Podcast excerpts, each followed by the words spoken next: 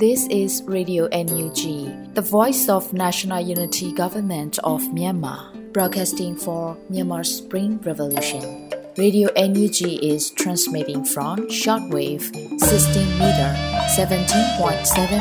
MHz at 8:30 a.m. and 25 meter 11.94 MHz at 8:30 p.m. Myanmar Standard Time. မင်္ဂလာပါရှင်။ မြို့သားညီညွတ်ရေးအစိုးရရဲ့အတန်လွင့်ဌာန Radio NUG ကိုမနက်ပိုင်း၈နာရီခွဲမှာလိုင်းတူ16မီတာ19.89 MHz ၊ညပိုင်း၈နာရီခွဲမှာလိုင်းတူ25မီတာ17.6 MHz တို့မှာဓာတ်ရိုက်ဖမ်းယူနိုင်စေနိုင်ပါရှင်။မင်္ဂလာအပေါင်းနဲ့ပြည့်စုံကြပါစေ။အခုချိန်ကစပြီး Radio NUG အစီအစဉ်လေးကိုဓာတ်ရိုက်အတန်လွှင့်ပေးနေပါပြီရှင်။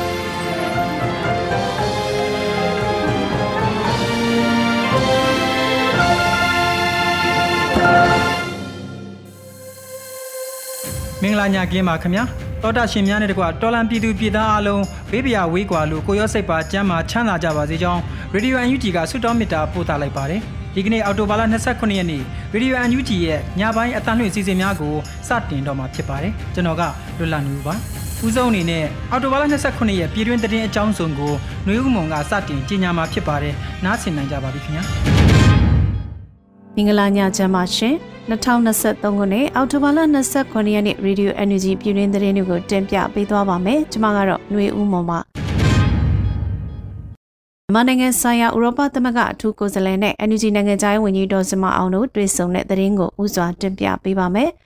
မြန်မာနိုင်ငံဆိုင်ရာဥရောပသမဂ္ဂအထူးကိုယ်စားလှယ် Ashi Igor Dorisman နဲ့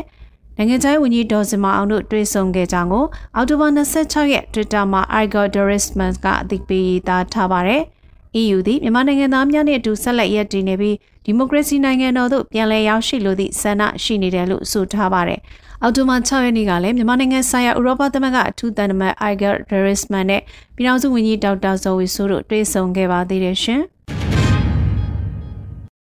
ဖရယ်ဒီမိုကရေစီနိုင်ငံသစ်ထူထောင်ကြဖို့တကားတွေပြိုင်နှူဖွင့်ကြရဲ့ NUG နိုင်ငံသားရေးဝန်ကြီးဒေါ်စမအောင်တိုက်တွန်းပြောကြားတဲ့အကြောင်းအရာကိုဆက်လက်တင်ပြပေးပါမယ်။ ဖရယ်ဒီမိုကရေစီနိုင်ငံသစ်ထူထောင်ကြဖို့တကားတွေပြိုင်နှူဖွင့်ကြရဲ့ NUG နိုင်ငံသားရေးဝန်ကြီးဒေါ်စမအောင်မှအောက်တိုဘာ29ရက်တွင်၎င်းရဲ့ social media မှာတဆင့်တိုက်တွန်းပြောဆိုလိုက်ပါတယ်။တော်လန်သောမင်္ဂလာနံနက်ခင်းမှာစိုက်ပျိုးထားသမျှရိတ်သိမ်းကြရမယ့်အခါတော့ရောက်ချိန်နီးလို့လာခဲ့ပြီးရေးတော်ပုံအောင်ရမည်။စိုက်ဝါးတွေသတိပြုကြတော်လိုင်းအင်အားစုတွေညီညွတ်ကြဖရယ်ဒီမိုကရေစီနိုင်ငံသစ်ထူထောင်ကြဖို့တကားတွေပြိုင်တူဖွင့်ကြစို့လို့ဝန်ကြီးကဆိုပါတယ် ဒီကနေ့မနက်၄နာရီချိန်ကစလို့ရှမ်းပြည်နယ်မြောက်ပိုင်းနေရာစုံမှာစစ်ကောင်စီတပ်နဲ့တော်လိုင်းအင်အားစုများနေရာစုံတိုက်ပွဲဖြစ်ပွားနေကလာရှိုးကုတ်ခိုင်မူဆယ်နဲ့သိန်းနီတို့တွေလည်းပြစ်ခတ်တမ်းများကြားနေရတယ်လို့၎င်းနေရာမှဒေသခံများကလည်းဆိုထားပါတယ်သတင်းကျွတ်ပြီးမြောက်ပိုင်းအလဲပိုင်းတောင်ပိုင်းကစလို့ရန်ကုန်မှာမကြံပွဲတွေနှွှဲနေကြတာလို့အောက်တိုဘာ29ရက်မနက်ပိုင်းမှာပြည်ထောင်စုဝန်ကြီးဦးထင်လင်းအောင်ကလည်းအသိပေးဆိုထားပါတယ်ရှင်။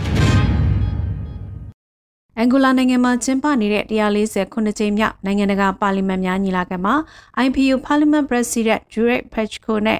မြန်မာကိုယ်စားလှယ်အဖွဲ့တွေ့ဆုံဆွေးနွေးတဲ့တဲ့ရင်ကိုဆက်လက်တင်ပြပေးပါမယ်။အန်ဂိုလာနိုင်ငံလူရန်ဒါမြို့မှာကျင်းပနေတဲ့149ကြိမ်မြောက်နိုင်ငံတကာပါလီမန်များညီလာခံနဲ့ဆက်ဆက်စည်းဝေးများကိုဝန်ကြီးဒေါက်တာဝင်းမြတ်ရေးကောင်းဆောင်သောမြန်မာလွှတ်တော်ကိုယ်စားလှယ်ဖွဲ့ပါဝင်တက်ရောက်နေတယ်လို့သိရပါတယ်။ မြန်မာလွှတ်တော်ကိုယ်စားလှယ်ဖွဲ့ကညီလာခံအစည်းအဝေးမှာနိုင်ငံတကာပါလီမန်များအဖွဲ့ IPU ရဲ့အမြဲတမ်းကော်မတီအစည်းအဝေးတွေနဲ့ဆက်ဆက်အစည်းအဝေးတွေကိုပါဝင်တက်ရောက်နေပြီးမြန်မာလွှတ်တော်ကိုယ်စားလှယ်ဖွဲ့ခေါင်းဆောင်ကအော်တိုဘာလ25ရက်နေ့ညီလာခံရဲ့ General Debate စီစဉ်မှာမိန့်ခွန်းပြောကြားခဲ့တယ်လို့ဆိုပါတယ်။ဒါအပြင်မြန်မာလွှတ်တော်ကိုယ်စားလှယ်ဖွဲ့ကညီလာခံကာလအတွင်းနိုင်ငံတကာပါလီမန်များအဖွဲ့ IPU ရဲ့တာဝန်ရှိသူတွေညီလာခံတက်ရောက်လာတဲ့ကိုယ်စားလှယ်အဖွဲ့တွေနဲ့လည်းတီးခြားတွေ့ဆုံဆွေးနွေးခဲ့တယ်လို့သိရပါတယ်။ ညီလာခံမှာမြန်မာလွှတ်တော်ကိုယ်စားလှယ်အဖွဲ့ကဂျမတ်အာနာသိန်းစစ်တပ်က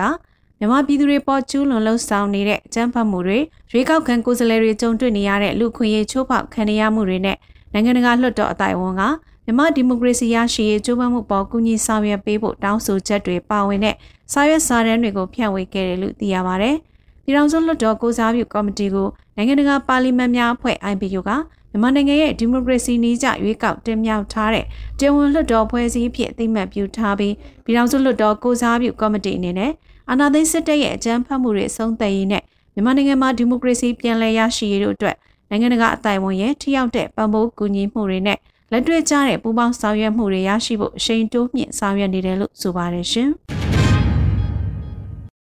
ချင်းရွှေဟော်မြို့တမျိုးလုံးနေပါမြမအမျိုးသားဒီမိုကရက်တစ်မဟာမိတ်တပ်မတော် MNDAA ကသိမ်းပိုက်တဲ့တရင်ကိုဆက်လက်တင်ပြပေးပါမယ်။ရှမ်းပြည်နယ်မြောက်ပိုင်းမှာဒီကနေ့မနေ့အောက်တိုဘာ29ရက်မှာစတင်ပြီးထိတွေ့တိုက်ပွဲတွေဖြစ်ပွားပြီးတဲ့နောက်ချင်းရွှေဟော်မြို့ကိုမြမအမျိုးသားဒီမိုကရက်တစ်မဟာမိတ်တပ်မတော် MNDAA ကသိမ်းပိုက်လိုက်တာဖြစ်တယ်လို့သိရပါဗျ။ဆိုပါချင်းရွှေဟော်မြို့နယ်တူဖောင်စိတ်နယ်ဆက်ကုံသွေးရေးစစ်ဆေးရေးဂိတ်ကိုပါသိမ်းပိုက်လိုက်နိုင်တယ်လို့သတင်းရရှိပါဗျ။ဖောင်စိတ်နယ်ဆက်ကုံသွေးရေးစစ်ဆေးရေးဂိတ်မှာ စစ်ကောင်စီရဲဝန်နဲ့အများပြားသေဆုံးခဲ့တယ်လို့ဒေသခံများကလူမှုကွန်ရက်မှာဆိုထားပါတယ်။အောက်တိုဘာ29ရက်မှာကိုကန့် MNDAA ရခိုင်တပ်တော် AA နဲ့တအောင်း TNL မြောက်ပိုင်းမဟာမိတ်သုံးဘွဲကတစ်သုံးညာနှစ်ခွန်စစ်စင်ရေးဆင်နွှဲပြီဖြစ်ကြောင်းတရားဝင်အသိပေးထုတ်ပြန်ကြေညာလိုက်ပါတယ်။ထုတ်ပြန်ချက်အရစစ်ကောင်စီမှလေကြောင်းလက်နက်ကြီးများဖြင့်ညညမရွေးပစ်ခတ်တိုက်ခိုက်နေမှုပေါ်ဟန်တားမှုရရှိနိုင်ရင်မြမပြည်သူတရလုံး၏လူလားချက်ဖြစ်သောဆီယနာရှင်စနစ်အမြင့်ပြည့်ရေးအတွက် ကိုကန့် MNDAA ရခိုင်တပ်တော် AA နဲ့တအား DNL တို့ကတစ်သုံးညနှစ်ခွန်စစ်စင်ရေးပူးပေါင်းဆင်နွှဲပြီးဖြစ်ကြောင်းဆိုထားပါတယ်ရှင်။အကြံဖတ်စစ်ကောင်စီဟာတိုက်တိုင်းရှုံရှုံနိုင်ပြည့်အနေထားရောက်နေပြီလို့ဦးမင်းကိုနိုင်ပြောကြားလိုက်တဲ့အကြောင်းအရာကိုဆက်လက်တင်ပြပေးပါမယ်။ဂျမတ်စစ်ကောင်စီဟာတိုက်တိုင်းရှုံရှုံနိုင်ပြည့်အနေထားရောက်နေပြီလို့အောက်တိုဘာ29ရက်မှာ88မျိုးဆက်ចောင်းသားကောင်းဆောင်ဦးမင်းကိုနိုင်မှပြောကြားလိုက်ပါတယ်။ဖစစ်စစ်တပ်က မြို့ရိုးလေးဘက်ပြိုခြင်းစစ်ရေးဗန္နာရေးတန်တမန်ရေးစိတ်တရေးလေးမျက်နာလုံးပြိုခြင်းစစ်တပ်ထုတ်ကုန်တပိမောက်ဆန်ရှင်တွေပိုထိရောက်နောက်ထပ်အကြီးကြီးတွေကလည်းချိန်ရွယ်ထားသည်ကုလသမဂ္ဂလည်းထိုင်ကုန်မရအာဆီယံလည်းတက်ခွင့်မရတကြားအိုရီပါရှေ့တန်းပို့တိုက်တိုင်းရှုံရှုံနိုင်ပြည့်အနေထားမှာနေရုပ်တွေထိုးကျွေးရုံမရတော့ဘူးဆိုတာသူတို့ဇောကျွေးပဲလို့ဆိုပါတယ်လက်ရှိမှာစစ်ကောင်စီတပ်များဟာကင်းဒီဒေတာကရင်ပြည်နယ် စကိုင်းတိုင်းမကွေးတိုင်းနဲ့ရှမ်းပြည်နယ်ကချင်ပြည်နယ်တို့မှာပါအရေးနှိမ်ကြာရှုံးလျက်ရှိပါတယ်ရှင်။စကိုင်းတိုင်းရေတော်မြို့နယ်တလဲပါပြူစခန်းအားမြေပြင်ဝင်းဟင်ဖြင့်ဝင်ရောက်စီးနှင်တိုက်ခိုက်ရာစစ်ကောင်စီနဲ့ပြူခုနှစ်ဦးသေဆုံးတဲ့တဲ့ရင်ကိုလည်းတင်ပြပေးပါမယ်။အော်တိုဘာ21ရက်နေ့မှာစကိုင်းတိုင်းရေတော်မြို့နယ်တလဲပါပြူစခန်းကိုညနေ၄နာရီခန့်မှာမြေပြင်ဝင်းဟင်ဖြင့်ဝင်ရောက်စီးနှင်တိုက်ခိုက်ရာမှာ စစ်ကောင်စီ3ဦးပြူ4ဦးသေဆုံးပြီးဒဏ်ရာရရှိသူများပြားခဲ့တယ်လို့အောက်တိုဘာ29ရက်မှာနထိုးကြီး People Defense ဖို့မြင်းကျန်ခရိုင်အမှတ်လေးတရင်ကအတည်ပြုဆိုပါရယ်တိုက်ပွဲချိန်နှစ်နိုင်ခန့်ကြာမြင့်ပြီးနောက်မောင်ရီပြိုညချိန်ရောက်လာသည့်တကြောင်ရန်သူ၏မိုင်းကွင်းများဖျက်ကျော်ရန်ခက်ခဲသောကြောင့်စခန်းတစ်ခုလုံးမသိမ်းနိုင်မဲ့အထိခိုက်မရှိအောင်မြင်စွာဆုတ်ခွာနိုင်ခဲ့တယ်လို့ဆိုပါရယ်ဒါအပြင်စကိုင်းတိုင်းထိချိုင်းမြို့နယ်တွင်လည်း KIA ပါဝင်ပူးပေါင်းတပ်နဲ့စစ်ကောင်စီတပ်များတိုက်ပွဲဖြစ်ပွားပြီးစစ်ကောင်စီဘက်ကအထိနာပြီးလေကြောင်းပစ်ကူပေးခဲ့တယ်လို့သိရပါတယ်။စစ်ကောင်စီရဲ့စစ်ကြောင်းကိုပိတ်ဆို့တိုက်ခိုက်တာလို့သိရတယ်လို့တော်လိုင်းရဲဘော်တအူးကဆိုပါတယ်။မနက်09:50အချိန်ထိကြိုက်မုံဝန်တောင်ရိုးမှာ MI35 ရဟတ်ရင်နဲ့စစ်ကောင်စီဘက်ကနေပစ်ခတ်ခဲ့ပြီးနိုင်ဝက်အကြမှာကောလင်းနယ်ဘက်ကိုပြန်လှည့်သွားတယ်လို့ထိကြိုက်တရားထင်းကလည်းအသိပေးဆိုထားပါတယ်ရှင်။ ကော့ဂရိတ်မြို့ခြေလင်းတရင်ခလာရကိုခွန်စစ်ကြောင်းရဲ့ရဲတရင်တပ်ဖွဲ့ရုံနဲ့စစ်ဘက်ဆိုင်ရာလုံခြုံရေးရုံနှစ်ရုံလုံးကိုမိရှို့တဲ့တရင်ကိုလည်းတင်ပြပေးပါမယ်။ကင်းပြည်နယ်ကော့ဂရိတ်မြို့ခြေလင်းတရင်ခလာရကိုခွန်အနောက်ဘက်ကောက်ကွင်းဘေးနေရာရှိစစ်ကောင်စီရဲ့ရဲတရင်တပ်ဖွဲ့ရုံနဲ့စစ်ဘက်ဆိုင်ရာလုံခြုံရေးရုံနှစ်ရုံလုံးကိုမိရှို့လိုက်တယ်လို့တရင်ရရှိပါရတယ်။ အော်တိုဘာ29ရက်မနက်ပိုင်းမှစတင်ကကရင်ပြည်နယ်ကော့ဂရိတ်မြို့ကြာအင်ကုန်းတဒေါင်းနဲ့ရုံကုန်းနေရာများဘက်တွင်ကရင်မျိုးသားလူမျိုးရေးတပ်မတော် KNL ပူးပေါင်းတပ်များနဲ့စစ်ကောင်စီတပ်များနှစ်ဖက်ပစ်ခတ်ထိတွေ့ခဲ့တာဖြစ်ပါတယ်။ကော့ဂရိတ်မြို့ထဲမှာပြစ်နေခတ်နေတယ်လို့တောင်ပြောလို့ရတယ်။စစ်ကောင်စီရဲ့ရုံနှစ်ရုံလည်းမီးရှို့ခံလိုက်ရတယ်။မြို့ကန်တွေကတော့တော်တော်များများပြေးကုန်ကြပြီလို့ဒေသခံတအူးကအတည်ပြုဆိုပါတယ်။လက်ရှိမှာကော့ဂရိတ်နေရာအများစုတွင်ပြစ်ခတ်နေကြပြီး ရက်သားများတောင်ပေါ်ကျောင်းသို့ဆေးဘေးရှောင်နေပြီဖြစ်တယ်လို့သိရပါတယ်ရှင်။ခုတင်ပြခဲ့တဲ့သတင်းတွေကို Radio Energy သတင်းတောက်မင်းတီဟန်မှပေးပို့ထားတာဖြစ်ပါတယ်ရှင်။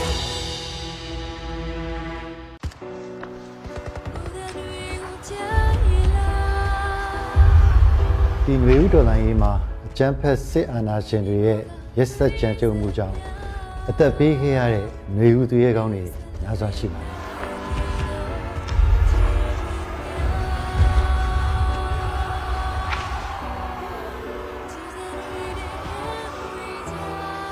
မျိုးတော်လိုက်ရင်မှာကိုယ့်ရဲ့ရှင်သွေးတူဒါမှမဟုတ်မိဘတူဒါမှမဟုတ်ကိုယ့်ရဲ့အိမ်တော်ဘက်တူဒါမှမဟုတ်လဲဆွေမျိုးသားချင်းအစရှိသဖြင့်ဆုံးရှုံးလိုက်ရတဲ့ဒီမိသားစုရဲ့ဆုံးရှုံးမှုဟာဘာနဲ့မှအစားထိုးလို့မရတဲ့ဖြည့်သိမ့်လို့မရတဲ့ဆုံးရှုံးမှုတစ်ခုပါထရီဇာတို့အားလုံးကလည်းဒီဆုံးရှုံးမှုတွေအတွက်စိတ်ထိခိုက်နာခြင်းခံစားကြရတယ် နာကျင်ခံစားနေလို့မပြီးပဲအသက်ပေးခဲ့ကြတဲ့မျိုးဦးသူရဲကောင်းတွေရဲ့မိသားစုတွေအတွက်ဘဝနောင်ရဲ့အဆင်ပြေဖို့ဆောင်းရှောက်မှုတွေတစုံတရာလိုအပ်ပါတယ်။အဲဒီအတွက်ရင်းနှီးပေးဆက်ခဲ့ကြတဲ့သူရဲကောင်းတွေရဲ့ကိုစားအသက်ရှင်ကြံ့ရခဲ့တဲ့ကျွန်တော်တို့တွေကတာဝန်ကိုယ်စီရှိပါတယ်။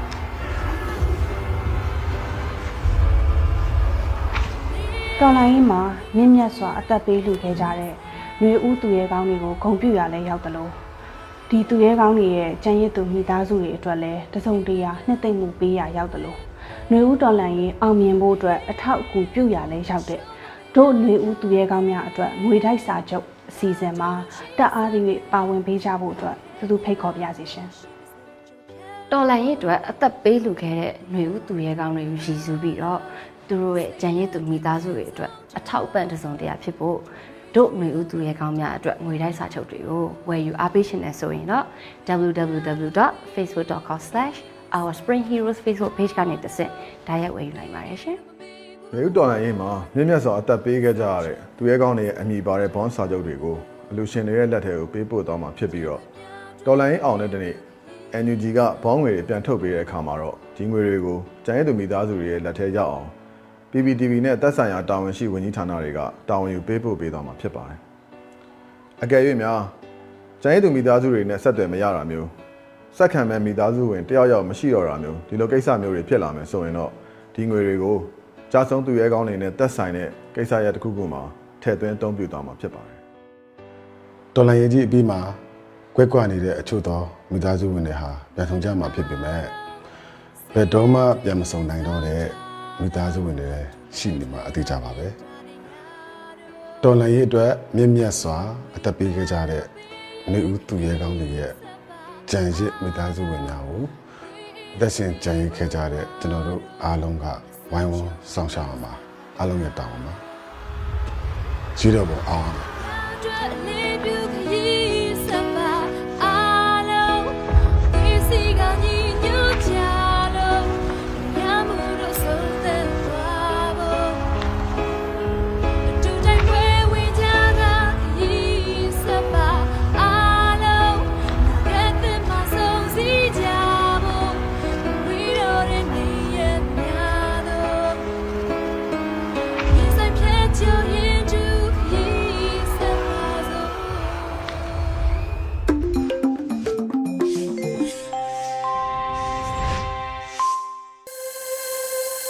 မျိုးမွန်တင်ပြသွားတဲ့ပြည်တွင်းသတင်းများကိုနားဆင်ခဲ့ရတာဖြစ်ပါတယ်။ဆက်လက်ပြီးအလှည့်ကြတာကတော့တော်လိုင်းကြပြအစီအစဉ်ပဲဖြစ်ပါတယ်။ဆရာနေသွင်းနိုင်ရေးသားပြီးနှွေဦးမိုးခန်းစားရွတ်ဖတ်ထားတဲ့ငါသာစစ်သားစစ်တယောက်ဖြစ်ခဲ့ရင်းဆိုတဲ့ကြပြကိုနားဆင်ရပါတော့မယ်ခင်ဗျာ။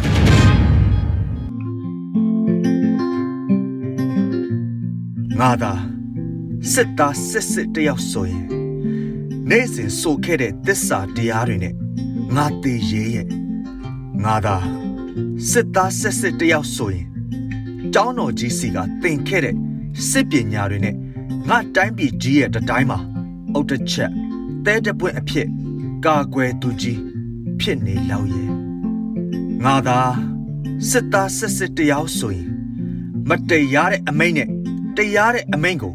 ခွဲခြားမသိတဲ့ခွဲစက်ခွက်နဲ့တနက်ကင်နေကြတဲ့ငါရဲဘော်တွေကိုတတိုင်းတိုင်းပြတ်တက်ပြီးလောက်ရဲ့ ငါသာစစ်သားစစ်စစ်တယောက်ဆိုရင်ဓမ္မနဲ့အတ္တမကို ခွဲခြားသိတတ်ပြီးကိုကြိုးသမားမအေလိုရဲ့ဥကောင်းတဲ့စစ်သားကောင်းတစ်ယောက်ရဲ့ဒီစံတတော့အနိကပြတ်သွင်းပြီးလောက်ရဲ့မအေလိုရဲ့နောက်ကျောမှာထိုးတဲ့ဓာတ်ဟာလဲငါဖြစ်ပြီးလောက်ရဲ့ငါသာစစ်သားစစ်စစ်တယောက်ဆိုရင်ပြည်သူအသက်ကိုငါမတတ်ပြည်သူစီးပွားမထိပါ ပြည်သူပစ္စည်းမဖြတ်စည်းတဲ့ရင်ကျေးတဲ့စစ်တီတော်ဟာငါပဲဖြစ်လောက်ရဲ့ရေလိုလလိုကျင့်တဲ့စစ်တီတော်အဖြစ်ရှက်ကြောပြက်နေတဲ့တက်ဆက်ဖောက်လောက်ကောင်တွေရဲ့ပခုံးသားအထက်ကကျဲပွင့်တွေကိုရီပွဲဖွဲ့ခြင်းရဲ့ငါဟာတနက်ဖျားကိုပြည်သူပတ်မလှဲ့တတိပြက်နေတဲ့လူသက်သမားတွေရဲ့ကိုကြိုးစည်းဝါးမှာငါမနေငါဟာပြည်သူအတွက်ပွင့်တဲ့ စစ်တီတော်အဖြစ်ဝန်စားပြီးလောက်ရဲ့ငါသာစစ်သားစစ်စစ်တယောက်ဆိုရင်ပြည်သူစီယိုမှာခွေးစိတ်ဝင်နေတဲ့မအေလိုးရဲ့အသက်ကိုချိတ်ပြီးပြည်သူနှလုံးကိုတိမ်ကြုံပြီးလောက်ရဲ့ငါသာစစ်သားစစ်စစ်တယောက်ဆိုရင်ငါအမေအိမ်ငါပြန်တဲ့အခါအမေသားကြီးဟဲဆိုပြီးအမေကန်းတဲ့တပြေပန်းတဲ့ဂုံတိတ်ခါဆိုတာကိုငါလိပ်ပြနဲ့ငါ ဖွင့်ဆိုပြီးလောက်ရဲ့ငါသာစစ်သားစစ်စစ်တယောက်ဆိုရင်လေနေတွင်နိုင်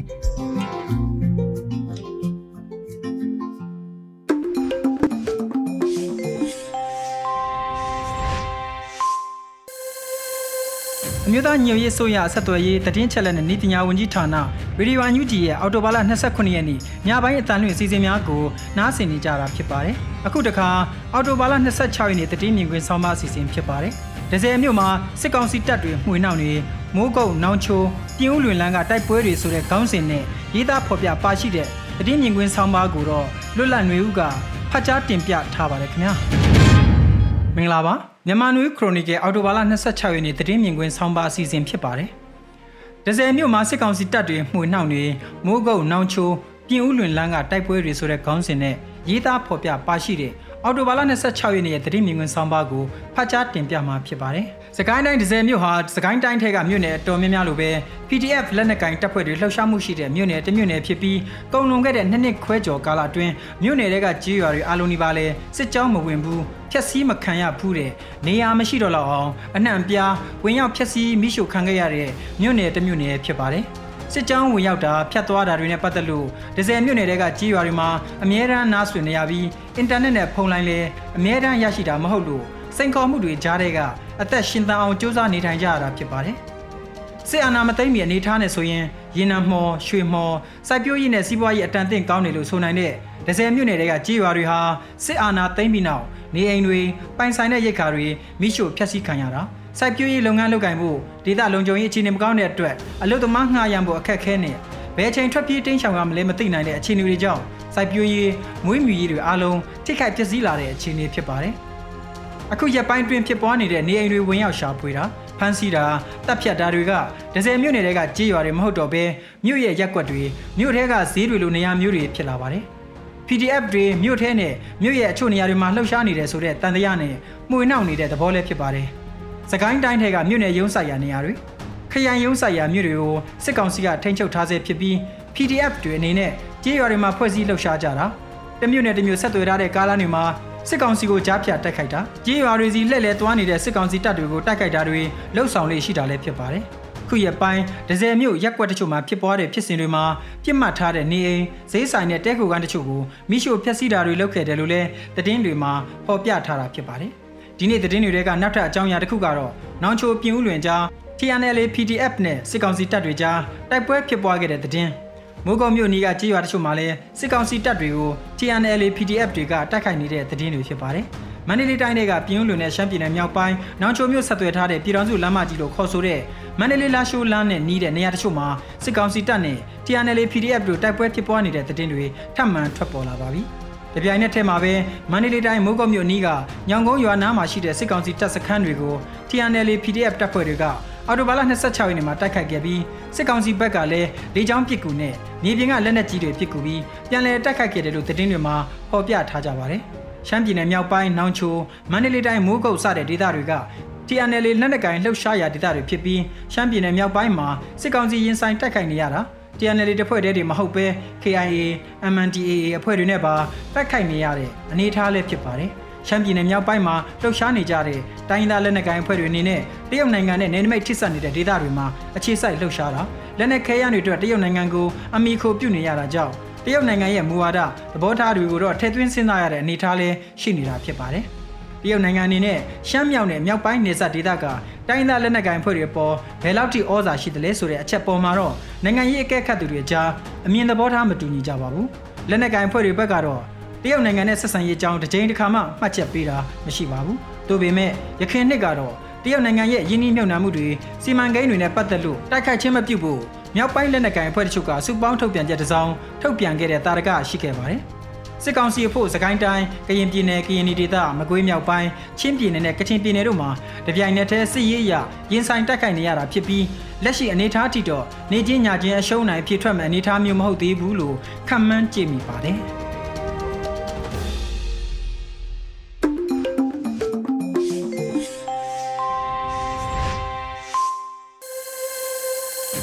တည်င်းမြင်ကွင်းဆောင်းပါးအစီအစဉ်ကိုထုတ်လွှင့်ခဲ့တာဖြစ်ပါတယ်ဒီကနေ့အော်တိုဘာလ29ရက်နေ့ရဲ့ညပိုင်းအတန်လွင့်စီစဉ်နောက်ဆုံးစီစဉ်အနေနဲ့တော်လိုင်းရဲ့အနုပညာကဏ္ဍမှာတော့တန့်ဝေကျော်တင်ဆက်ထားတဲ့ဖြစ်ကြောင်းကုံစင်အညာတခွင်အပိုင်း69ကိုနားဆင်နိုင်ကြပါပြီခင်ဗျာ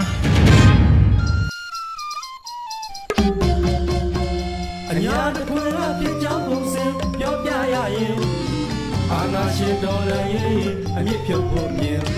တော်လူတော်ကပြည်သူများညီညွတ်လို့ပင်ဖတ် စစ်တော်လည်းရထပါလိမ့်မယ်တင်ဖက်ဒရယ်ပြည်အောင်စုရဲ့ရှိပြီးဖက်ဒရယ်ယူနစ်စနစ်တစ်ခုပေါ်ပေါက်လာမှဒီကံတွေပင်ဖြစ်ကြောင်းပုံစံအညာတခွင်ကြမ်းခန့်တာလို့မာရမူပါကြတော့အညာတခွင်ရဲ့မြေပြင်ဖြစ်ရက်တွေနှုံးဆန်တွေကြောလှန်ရေးဖြစ်စဉ်တွေတိဆောက်ရေးဖြစ်စဉ်တွေကိုအညာပါလေအညာဘယ်လဲအစီအစဉ်ဖြစ် ပြည်သူတွေကိုရှင်းလင်းတင်ပြလာခဲ့တာပြည်သူတွေလည်းအညာတရုတ်ကို အဟုတ်တော်တော်ပုံပေါ်ကြရောထင်ပါရဲ့တော့ဒီတစ်ပတ်မှာလဲအညာတခွင်မှာတိဆောက်ရမယ်ဒေသန္တရအုပ်ချုပ်ရေးအကြောင်းရှင်းလင်းတင်ပြခြင်းပါတော့အညာဆိုတာကသမိုင်းအစဉ်အဆက်ကလေးကကိုယ်ဝမ်းစာကိုရိုးသားစွာရှာဖွေစားတောက်ပြီးအေးလူလူနေခဲ့ကြတဲ့ဒေတာကိုယ်ယဉ်ကျေးမှုကိုယ်တလိကိုယ်ထုံးစံနဲ့ကိုယ်ရှင်တန်ခဲ့ကြတဲ့ဒေတာ ဖိရင်ကြွမယ်ထိရင်ချမယ်ဆိုတဲ့စိတ်ဓာတ်နဲ့ဖိနှိပ်ချုပ်ချင်မှုကိုတွန်းလှန်ခဲ့ကြတဲ့ဒေတာလိုအပ်ရင်ပြည်တောင်တစ်ခုဖြစ်လာဖို့အသက်သွေးချွေးရင်းပြီးလက်နက်ကင်စုစည်းခဲ့ကြတဲ့ဒေတာမဟုတ်လားတော့အခုလက်ရှိຫນွေဦးတော်လန်ရေးမှာလဲသမိုင်းအဆက်ဆက်ကအညာသားတွေရဲ့ဇကိုအညာဒေတာကပြတ်တနေပါပြီတော့ဒီနေ့ကပဲမော်လိုက်မှာစကစဖလက်တင်မော်ဒဇင်တောင်တင်လို့သွားဆွဲတာ နောက်ထပ်သွားဆွဲတဲ့တင်မောကမီးလောင်ပြီးတောင်တင်တဲ့တင်မောလဲမဆွဲနိုင်တဲ့ပြစ်ထားပြီးပြေးရတဲ့တည်းကြားလိုက်ကြရမဟုတ်လားပြည်သူကာဝရေးတပ်ဖွဲ့တွေဟာနေရမရွေ့အချိန်မရွေ့အမြဲအသင့်အနေထားနဲ့တိုက်နိုင်နေပြီဆိုတာဒီအချက်ကတက်တည်ပြနေပါတော့အရတော်ကပြူစောတိစခန်းဆိုရင်လေဝေဟင်ကနေအရင်ချပြီးမှမြေပြင်ကဝင်ရောက်တိုက်ခတ်ခဲ့တာကြောင့်စစ်ကောင်စီနဲ့ပြူဆွစုပေါင်း၈ဦးအထိမိုးမျောသွားခဲ့ကြတာပဲမဟုတ်လား တာစီထောင်ကနောက်ချန်စစ်ကြောင်းကိုလည်းအသင့်ဆောင်နေတဲ့ PDF ကင်းဘုံကဝင်းပစ်ပြီးတနတ်ပါအရယူနိုင်ခဲ့သေးတဲ့အပြင်မိုးမျောသွားတဲ့စက်ကစကိုပါတရဏဂုံတင်ပေးခဲ့ရသေးတယ်အဲ့ဒီဖြစ်စဉ်ဟာလဲအားတက်စရာအညာသတင်းတစ်ခုပါတော့ထုံးစံအတိုင်းချင်းနှွေးမြစ်ကိုဖြတ်တဲ့စက္ကစဒိတ်ခါတင်တင်မောတွေကိုလည်းတပ်ပေါင်းစုတွေကအသီးနှံဆုံးနဲ့စော င်းရီဝိုင်းလောင်းနေကြသေးပါကြောင်းကုန်စင်ညာတခွေစစ်ကောင်စီရဲ့အရှိန်အဟုန်မြင့်စစ်ကြောင်းချိုးမှုတွေကြောင့်အညာဒေသရဲ့ထိကြိုက်မှုတွေကိုလည်းကြားကြသိကြရမှာပါဒီထိကြိုက်မှုတွေကိုအရင်ပြုတ်ပြီးအညာစုစည်းမှုကိုမဖြစ်မနေတိဆောက်ကြရမယ်ဆိုတဲ့တက်လန့်တန်ဟာပိုပြီးကျေလောင်းလာခဲ့ပါပြီတော့စစ်တလန်ကိုအမြင့်လမ်းမဲတဲ့အညာရဲ့ ခါလာမယမ်းခြင်းနဲ့တို့အညာမျိုးပို့လို့ကြမ်းမဟဲ့အလောင်းပြန်မရနေရတကားမို့မျောကြပါလိမ့်မတော်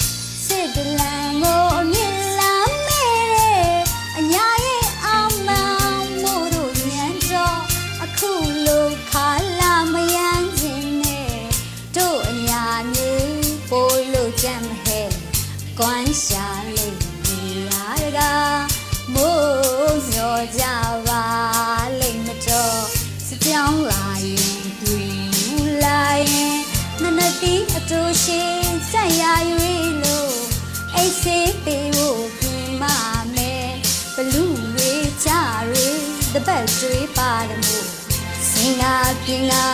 တေချာနွဲဖို့အလညီတန်တို့ရှိစွမလို့ရှော့ပြန်ရင်လေတကြူပေးပါမယ်ဝမအပြုံးမရှာမရှာမို့ကိုချင်းဆိုတော့ကြောက်ကြတယ်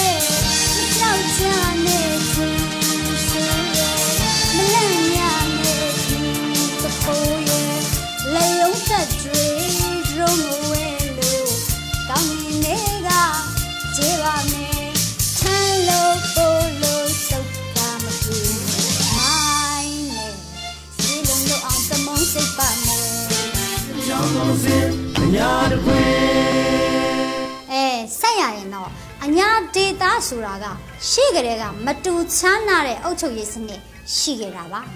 ဘယ်အစိုးရဘယ်အုတ်ချုပ်ရေးကမှအညာပြည်သူလက်မခံရင်အုတ်ချုပ်လို့မရခဲ့ပါဘူးတော့အရင်ကတည်းကအုတ်ချုပ်ရေးမှုတွေဆိုတာအမြင့်ခံပဲဖြစ်ပြီးရက်ရွာတွေကိုရက်ရွာပြည်သူကပဲစုပေါင်းထိန်းချောင်းအုတ်ချုပ်တဲ့စနစ်ကိုကျင့်သုံးခဲ့ပါတော့အဲ့ဒါကြောင့်မို့လဲຫນွေဦးတော်လန်ရေးကာလမှာ စစ်တပ်အုပ်ချုပ်ရေးကိုအညာရွာတွေလက်မခံတဲ့အခါကြေးရွာတွေမှာစစ်တပ်အုပ်ချုပ်ရေးရန်နေရအမြန်ဆုံးနေကုန်းချုပ်သွားခဲ့ရပါတယ်တော့အခုဆိုရင်အညာဒေသရဲ့80ရာခိုင်နှုန်းအုပ်ချုပ်ရေးဟာအညာပြည်သူပြည်သားတွေရဲ့လက်ထဲမှာပဲရှိနေတာပါတော့ Federal Democracy ပြည်ညမှာပြဋ္ဌာန်းထားတဲ့အာဏာရဲ့မူလအရင်အမြစ်ဟာ Federal Democracy ပြည်ထောင်စုအဖွဲ့ဝင်ပြည်နယ်များနဲ့ ရင်းပြည်နယ်မှာရှိကြတဲ့ပြည်သူတွေလက်ထဲမှာရှိတယ်ဆိုတာအညာဒေတာကကောင်းကောင်းကြီးတည်ပြန်ရရှိပါတယ်တော့ဒါပေသည့်အညာဒေတာမှာပြည်သူအခြေပြုအုပ်ချုပ်ရေးရန်နေရာတိစောက်တဲ့နေရာမှာလဲပြဿနာတွေတော့ရှိတာပေါ့တော့အညာကျေးလက်လူတို့ရဲ့သဘောကအာနာဖီဆန်ပြီးအုပ်ချုပ်သူအာနာပိုင်းဆိုရင်လွယ်လွယ်လက်တင်မခံတတ်တဲ့အမြင်ရှိတယ်လို့အောက်ချုပ်မှုတိဆောက်တဲ့နေရာမှာလဲ တကြောင်တကားချလို့သဘောဆောင်တာမျိုးကိုပဲလက်ခံတတ်ကြတဲ့အတွက်စနစ်တစ်ခုရဲ့အတင်းတွတ်သွင်းပြီးအုပ်ချုပ်ရေးတည်ထောင်မှုခဲရင်းနေတဲ့ပြဿနာပါတော့ဒါကြောင့်ပဲအညာအုပ်ချုပ်ရေးကိုတည်ထောင်ရမှာပြည်သူအများစုပူးပေါင်းပါဝင်ပြီး collective leadership ဆိုတဲ့စုပေါင်းခေါင်းဆောင်မှုဆန်တဲ့အုပ်ချုပ်ရေးစနစ်တစ်ခုကိုရေးဆွဲဖို့လိုအပ်နေပါတယ်တော့သက်ဆိုင်သူတွေအနေနဲ့လည်းဒီလိုအပ်ချက်ကိုသိပြီးပြင်ဆင်မှုတွေပြုလုပ်နေကြပါတယ် နောက်တစ်ချက်ကတော့အညာဒေတာဟာလွတ်လပ်စွာစုံလင်ကွဲပြား diverse ဖြစ်ရတာကိုကြိုက်တဲ့အတွက်အောက်ချုပ်ရေးစနစ်တစ်ခုတည်းနဲ့စူးစီးရခက်တယ်လို့ရှိပေမဲ့အဲ့ဒီအချက်ကိုကဗဟိုချုပ်ကင်မှုရှော့ချပြီးဒေသန္တရအုပ်ချုပ်ရေးကိုဒေသအလိုက်ဖော်ဆောင်ခွင့်ရှိတဲ့ Federal စနစ်ရဲ့ bottom up ပုံစံနဲ့တွားပြီးညီညွတ်နေတာလည်းတွေ့ရပါတယ်ဒီလိုစနစ်မျိုးကိုသာအကောင့်ထဲဖော်နိုင်မယ်ဆိုရင် အညာပြည်သူအုပ်ချုပ်ရေးဟာရှေ့ချီတလန်တိုးသွားမှာအမှန်ပါပဲတော့အုပ်ချုပ်ရေးလို့ပြောလိုက်ရင်တရားစီရင်ရေးနဲ့လုံခြုံရေးကပါကပ်ပါလာတာမဟုတ်သက်ဆိုင်ရာအစုအဖွဲ့တွေအနေနဲ့လည်းအောက်ခြေကနေအဆင့်ဆင့်ကိုစားပြုနိုင်တဲ့စနစ်တွေကိုစတင်အကောင့်ထဲပေါ်သွားကြရမှာဖြစ်ပါတယ်ဒီလိုပြည်သူအခြေပြုအုပ်ချုပ်ရေးစနစ်အညာပြည်သူသဘောတဘာဝနဲ့အညီတိဆောက်နိုင်ပြီးဆိုရင်အညာတခွင်ရဲ့နေရာဒေသအများစုဟာကိုယ်ပိုင်ထိန်းချုပ်နေမြေ ဖြစ်ရက်တည်နိုင်တော့မှာဖြစ်တယ်ဆိုတာရဲရဲကြီးပြောလိုက်ချင်ပါတယ်တော့အညာဖက်ရဲအောင်ရမ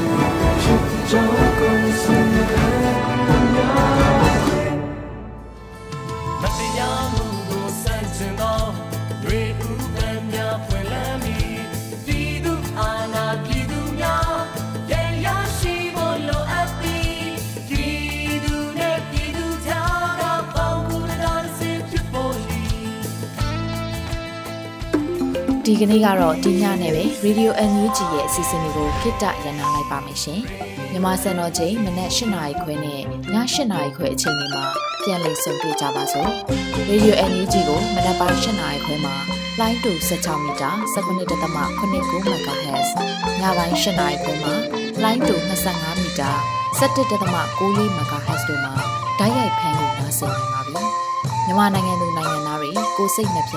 ကျန်းမာချမ်းသာလို့ဘေးကင်းလုံခြုံကြပါစေလို့ Radio NUG အဖွဲ့သူဖွဲ့သားတွေကဆုတောင်းမေတ္တာပို့တာနေပါတယ်ရှင်။မြေသားညီမတွေအစိုးရရဲ့စက်တော်ရင်သတင်းအချက်အလက်တွေလူပညာဝန်ကြီးဌာနကထုတ်လွှင့်နေတဲ့ Radio NUG ဖြစ်ပါတယ်။ San Francisco Bay Area အခြေစိုက်မြန်မာမိသားစုတွေနဲ့နိုင်ငံတကာကစေတနာရှင်တို့အားပေးနေတဲ့ Radio NUG ဖြစ်ပါတယ်။အရေးတော်ပုံအောင်ရမည်